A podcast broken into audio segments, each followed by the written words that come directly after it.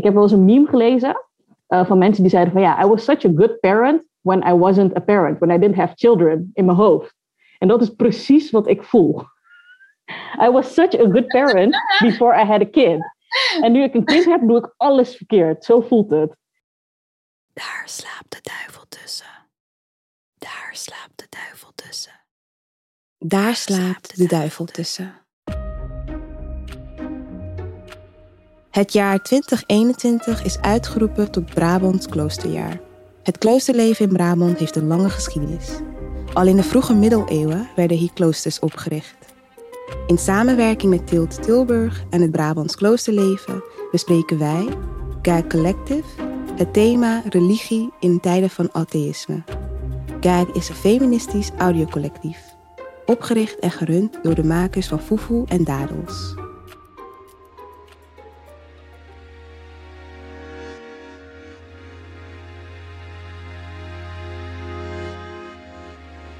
Zo Vader, zo Zoon, zo Heilige Geest. Geloven doet me vaak denken aan ouderschap. God als Vader, Heer, met de grijze baard op een witte wolk met een disciplinestok in zijn hand.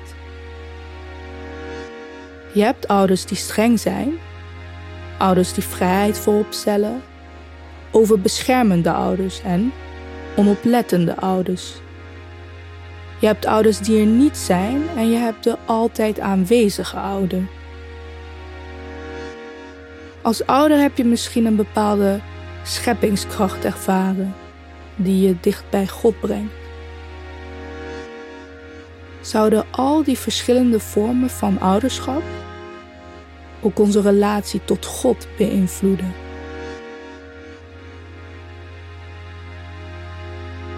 Mijn ouders gingen een gezin stichten en ja, dan denken mensen wel van, uh, oeh, twee geloven op één kussen, daar slaapt de duivel tussen. Wij gaan Vitria spreken omdat zij een bijzondere groei heeft doorgemaakt in haar religieuze beleving. In 2018 deed zij mee aan het tv-programma Moslims zoals wij, waarin zij werd geconfronteerd met haar eigen denkbeelden en ook hoe dat haar beïnvloedde. En we gaan haar vragen hoe zij is gegroeid daarin en ook hoe dat haar ouderschap beïnvloedt uh, vandaag de dag.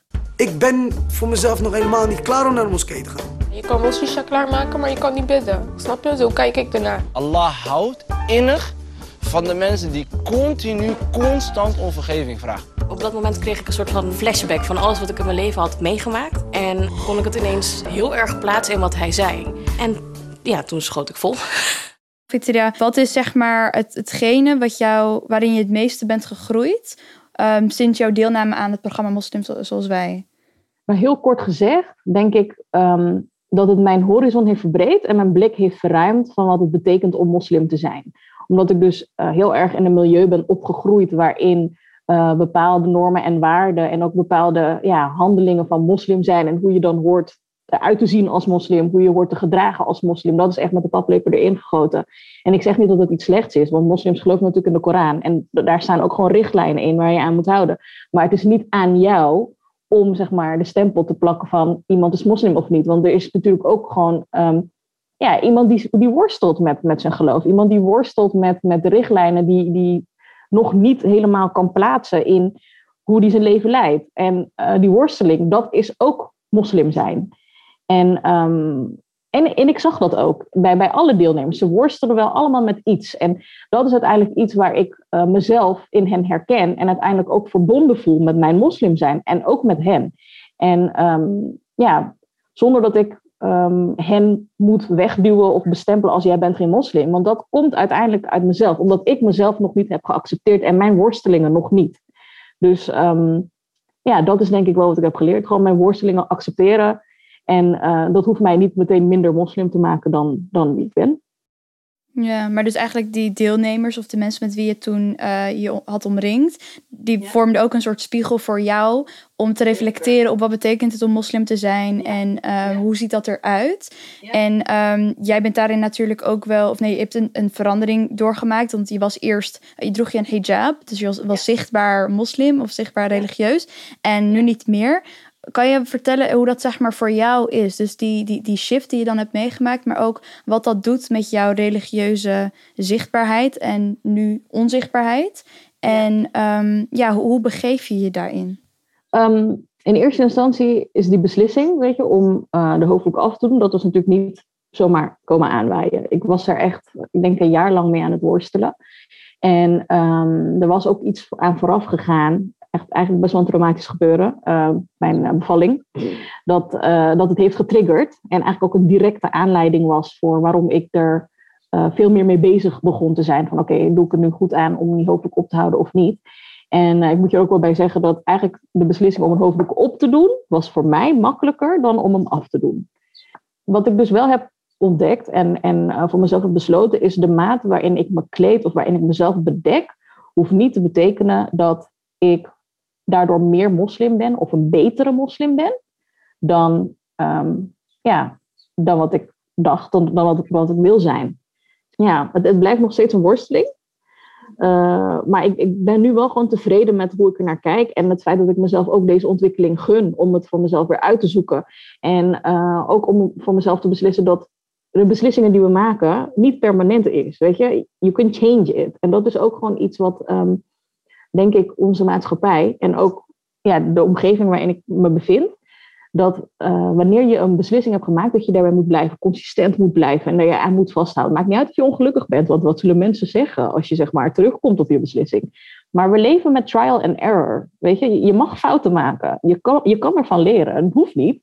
En het kan nog langer duren voordat je gaat leren. Maar Weet je, het feit dat je hier bent, betekent dat je gewoon die tijd wordt gegund. Dus gun het jezelf dan ook.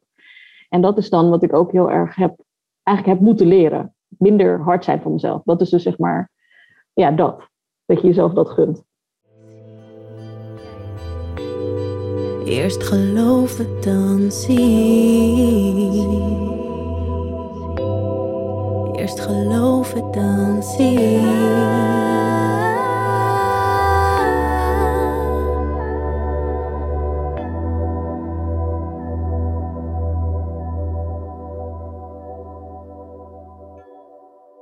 Wat ik wel interessant vind is dat je zegt, Vitria, ik was zo'n goede ouder voordat ik kinderen had. Um, Ik vind het wel interessant ook om naar ouderschap te kijken als iets waar kinderen ook een deskundigheid over kunnen hebben. Want inderdaad, we zijn niet allemaal ouder. We zullen ook niet allemaal ouder worden of een ouderschapsrol vervullen. Maar iedereen is ooit kind geweest. Wat kunnen kinderen ons leren over God? Sowieso hun verwondering dat kinderlijke verwondering, dat we, ik denk, ja, kwijt zijn geraakt naarmate we ouder worden, sceptischer worden. Dat, dat ook wel ligt aan onze omgeving en uh, het onderwijs dat we krijgen. Is, vind ik eigenlijk ook beperkend hoor, wat betreft spiritualiteit en religie. Um, dat dat wonderlijke, dat kinderlijke, ja, de vragen die je stelt, dat je, dat je iets zo verwonderlijks vindt en, en het feit dat je dat ontdekt, weet je, door de ogen van, van een kind, dat, dat nieuwigheid, zeg maar. Um, dat is iets wat wij kunnen leren. En ook, ja, weet je, mijn kind is nu pas twee, dus, dus ik, ik merk uh, daar nog niet zo heel veel van. Maar wel bijvoorbeeld als hij iets nieuws ontdekt, dat hij dan meteen daarop soort van gefixeerd is, omdat hij wil weten en wil begrijpen wat het is. En um, de puurheid van, van, van zijn emoties. Als hij vrolijk is, dan is hij ook gewoon echt vrolijk. Er is geen gelaagdheid erachter of wat dan ook. Weet je, hij heeft nog niet, zeg maar, de, uh, hoe zeg je dat? De skills um, wat een volwassene wel heeft om zijn emoties te maskeren of te onderdrukken of wat dan ook. Nee, het komt er gewoon helemaal uit. En dat is, dat is iets zo moois. En, en dat is ook iets wat, denk ik, bijdraagt aan een religieuze beleving of een spirituele beleving. Dat je dat jezelf ook gewoon toelaat. Gewoon dat, dat ja, weet je, geen remmingen. En dat is denk ik ook iets wat wij zouden kunnen leren van kinderen als volwassenen om toe te passen in onze religieuze beleving. En wanneer was dan de laatste keer dat jij jezelf dat helemaal toeliet om al die emoties of, of al die. Ja, oh, nee, is misschien een hele grote vraag, maar nou, om dat, dat toe te een hele mooie vraag. Het is een hele moeilijke vraag, maar het is een hele mooie vraag. Het is nog steeds iets waar ik mee bezig ben. Want ik zou eerlijk zeggen, ik zou niet weten wanneer de laatste keer dat was. Uh, omdat ik zo erg bezig ben met mijn remmingen. En, en um, um, ik, ik volg nu wel een traject, een therapietraject, om mijn geloof opnieuw te herbeleven, opnieuw te ontdekken. Dus um, En ehm, mijn uh, life coach, die heeft altijd gezegd van ja, jij vindt het heel moeilijk om dingen gewoon te voelen, hè? om dat gewoon te benoemen. Want jij gaat meteen hup naar rationalizing it. Hup meteen naar het pragmatische. En dat is prima uh, als het voor je werkt, als je dat heel lang hebt gedaan en als het jou heeft geholpen in het leven. Maar als je jezelf niet laat voelen, ga je dat, ga je dat later merken. En uh, dat is iets waar ik echt heel erg mee bezig ben, wat zij mij heeft meegegeven dat ik denk van wauw, oké, hier moet ik echt iets mee. Maar het is niet 1, 2, 3 te doorbreken, zeg maar. Echt niet. En dat, dat ligt ook aan de opvoeding die je krijgt. Hè? Dat je dan jezelf elke keer tegenspreekt en jezelf ook niet toelaat om te voelen. Omdat, omdat het ook misschien als iets zwaks wordt gezien om te voelen en om je emoties op die manier te tonen. Terwijl het echt prima is om bijvoorbeeld een, een vers te lezen in de Koran of in de Bijbel of wat dan ook. En gewoon echt tot tranen worden geroerd omdat je het zo mooi vindt, omdat je die verbinding voelt Je voelt het. Je rationaliseert het niet. Je? En dat is iets wat ik mezelf heel lang niet heb kunnen toelaten. Hoe is dat voor jou in, ehm, op het moment dat jouw kind wat ouder wordt en dus zelf wellicht ehm, een exploratie aangaat uh, wat betreft religie? Um, hoe, hoe zou jij dat zelf willen ondersteunen? Of hoe ga je daar dan mee om? Ik um, heb sowieso, um, voordat ik dus zwanger werd, uh, gebeden tot God dat ik een kind wil dat um, wijs is. Ik wil een oude ziel. Daar heb ik om gebeden. Dus in mijn hoofd had ik al echt existentiële gesprekken met dat kind. En het was gewoon een heel klein mensje. En, en ja, hij was zes of zeven, maar hij was gewoon mijn kleine wonderkind. Want ik kon met dit soort dingen met hem hier gewoon over hebben. En dan urenlang. En um, ja, natuurlijk zou ik dat stimuleren. Weet je, ik wil heel graag dat hij verschillende geloven uh, leert kennen. Um, maar dat hij natuurlijk ook vanuit de islam meekrijgt van, uh, oké, dit is waar wij in geloven en dit is onze kern. En um, dat hij dat ook voor zichzelf ja, uitvindt, zeg maar, waarom, waarom dat zo is en waarom het voor ons werkt. En stel het werkt niet voor hem, ja, dat zou ik heel moeilijk vinden, eerlijk gezegd. Maar ja, zolang hij maar wel gewoon gelooft, weet je. Dat ja, vind ik zoiets moois. Als, als een kind gewoon gelooft in, in iets dat meer is dan zichzelf. Dat is al iets wat je, wat je ja, ja, wat, wat zo bewonderenswaardig is en, en wat ik ook heel graag wil voeden in hem. En uh, geloven in iets wat meer is dan jezelf begint, naar mijn mening, ook met dat kinderlijke verwondering. Dat ik dus ook echt in stand wil houden bij hem. Dus hoe nieuwsgieriger hij is, hoe blijer ik word, eigenlijk. Wees nieuwsgierig, alsjeblieft. Dat is mijn boodschap aan hem.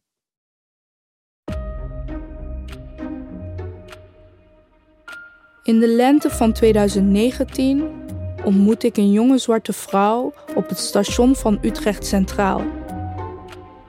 Ze complimenteert me over mijn vlechtjes waarna ik niets vermoedend en op mijn gemak gesteld een plek naast haar in de wachthal neem. Een kwartier later is ze me uitgebreid aan het ondervragen over het geloof. Ze blijkt een van die moderne christelijke missionarissen te zijn die rondlopen op het grote station. Geloof zie ik als een diepe persoonlijke kwestie, vertel ik haar, die voor mij altijd in beweging is en die zoektocht etaleren heeft mij altijd een beetje ongemakkelijk gemaakt. Misschien juist doordat ik opgroeide in een multireligieuze omgeving en vroeg begreep dat verschillende waarheden naast elkaar kunnen bestaan. Het meisje was duidelijk op zoek naar een stelligheid die ik haar niet kon bieden. Onze God is een jaloerse God hij komt alleen op het pad van degene die hem verwelkomt. Beet ze me vol medelijden toe en liep weg. Maar iedereen is ooit kind geweest. Wat kunnen kinderen ons leren over God? Sowieso hun verwondering. Maar wat nou als die kinderlijke verwondering je wordt afgenomen? Let op, het volgende fragment bevat informatie over misbruik die als schokkend kan worden ervaren. Wow, Swela. Paul, ik moet je even iets laten zien. Kijk eens. Seksueel misbruik door Brabantse nonnen. Schokkende en aangrijpende verhalen. Oh my god. Wat de hel is dit? Mensen snapten in het begin niet waarom deze oude mannen en vrouwen nu pas met hun verhaal naar buiten kwamen. Nu nog met hun verhaal naar buiten kwamen. Ja, omdat ze er nog steeds heel veel last van hebben. In het rapport. De commissie Deetman deed in 2010 en 2011 onderzoek naar seksueel misbruik van minderjarigen in de Rooms-Katholieke Kerk van 1945 tot 2010. In het rapport werden ook diverse Brabantse nonnenkloosters genoemd. Het rapport schetst een huiveringwekkend beeld van sadistische nonnen die er soms niet voor terugdeinsden jonge meisjes te misbruiken. Misbruik door nonnen, hoe, kwam, hoe kwamen die nonnen daartoe? Waarom deden ze het eigenlijk? Ja, dat is ook weer die tijd. Uh, in die, uh, de kerk had in die tijd uh, heel sterk een morele component. Dus als je religieus werd, dan had je de, de drie evangelische raden: gehoorzaamheid, kuisheid en armoede. Die gehoorzaamheid stond heel erg voorop. En je ziet dat in, in een aantal congregaties, het breken van de wil, zo werd het ook zelfs letterlijk genoemd, centraal stond. Dus die jonge meisjes die daar in die kloosters kwamen, die, die eh, als ze iets leuk vonden, moesten ze dat net niet doen. Want ze moesten leren zich te onthechten het ego moest als het ware afgebroken worden. Uh, vriendschappen niet toegestaan. Dus alle dingen, uh, als je iets goed kon, dan mocht je niet trots op zijn. Dus alle dingen die wij mensen nodig hebben om ook een beetje blij met onszelf te zijn, dat was eigenlijk niet zo aan de orde. En wat betekende dit voor die meisjes? Ja, dat is, is heel wisselend. Een aantal heeft het redelijk kunnen verwerken, maar er zijn er ook die zo getraumatiseerd zijn, dat hun, zeg maar, we hebben allemaal in ons emotionele brein een soort alarmsysteem. En dat is dan zo gesensitiveerd dat allerlei kleine dingetjes in het leven, een aanraking of soms een blik, kan mensen helemaal in paniek brengen. Dus dat zijn dan mensen die van deze trauma's hun hele leven lang last houden, tot hun dood omdat Brabantse kloosters steeds meer uit het zicht van het publiek verdwijnen of van functie veranderen, dreigt de geschiedenis van deze kloosters ook verloren te gaan. Die geschiedenis is dubbelzinnig en gaat deels over bezinning en deels over een verborgen religieus verleden van de provincie Brabant. Kloosterlingen vinden dat daarmee ook de belangrijke betekenis van bezinning vervaagt, die de kloosters lange tijd hadden in de maatschappij. Voor mij was het op een gegeven moment wel zo dat ik. Um, ja, ik groeide op met sterke, een sterke religieuze basis. Een multireligieuze basis. Maar ik vond op een gegeven moment het christelijke gedeelte van die basis. En vooral het katholieke gedeelte van die basis heel moeilijk nog te vereenzelvigen. Met mijn antikoloniale gedachten over de wereld, zeg maar. En vanaf mijn min twintiger begon ik eigenlijk ook, net als wat jij zegt, te zien van...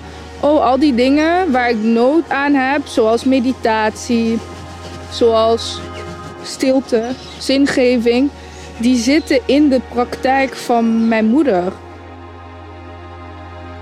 Ik, ik denk dat we ook altijd kritisch moeten blijven op de effecten van georganiseerde religie op mensenlevens. En dat dat uh, van oudsher zoveel impact heeft gehad. Uh, dus dat mogen we absoluut niet uit het oog verliezen. Maar tegelijkertijd uh, mag dat ook niet iets zijn waardoor je je eigen religieuze beleving of spiritualiteit gaat verwerpen. En ik denk dat het ook te maken heeft met ehm, het reclaimen van je eigen spirituele beleving. En dat is iets zo persoonlijk, zo diepgaands. Um, en dat is een proces. Dat blijft echt een soort proces wat je de rest van je leven ja, uh, moet zien te groeien, zeg maar. Net zoals een plant die je constant water geeft en aandacht geeft. Um, zo zie ik het dan ook voor me. En wat je ook beschrijft over dat dat het voor jou nu ook iets is uh, waarin je herkenning ziet. Hè? De uh, beleving van jouw moeder. Uh, maar dat je dat ook terugziet aan hoe jij het nu ervaart. En ook die stilte en zingeving op je eigen manier kan vormgeven. Eh, en ik ben ook heel erg geïnspireerd door Amina Wadoud. Ehm, zij is een Amerikaanse islamitische geleerde. En ehm, zij heeft een hele mooie quote die eigenlijk neerkomt op uh, haal de goede dingen uit de religie en laat de slechte dingen achter. En dat inspireert mij altijd, want je kunt religie of religieuze teksten uh, naar eigen hand zetten en gebruiken om een bepaalde macht te verkrijgen of om iets, ja, om mensen te onderdrukken. Uh, maar ik denk niet dat dat de essentie is. Uh, als je kijkt naar alle uh, de, de, Abrahamische religies, ehm, de grote lessen die we daaruit kunnen halen zijn altijd gecentreerd rondom compassie en barmhartigheid en naaste liefde. en ik hoop vooral dat mensen dat op hun eigen manier mogen ervaren en beleven en hun eigen groei daarin kunnen doormaken.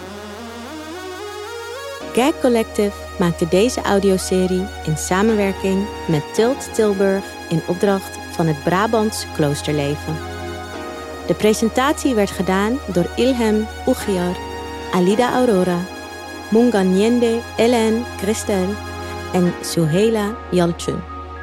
Regie, screenplay en redactie stond onder leiding van Munganyende Ellen Christel en Suhela Yalchun. De soundtrack is geschreven en gezongen door mij, Sherifa Bari. Audioproductie werd gedaan door Kerem Özelan. Met dank aan Til Tilburg, Dag en Nacht Media, KRO en CRV en Productiehuis Noord.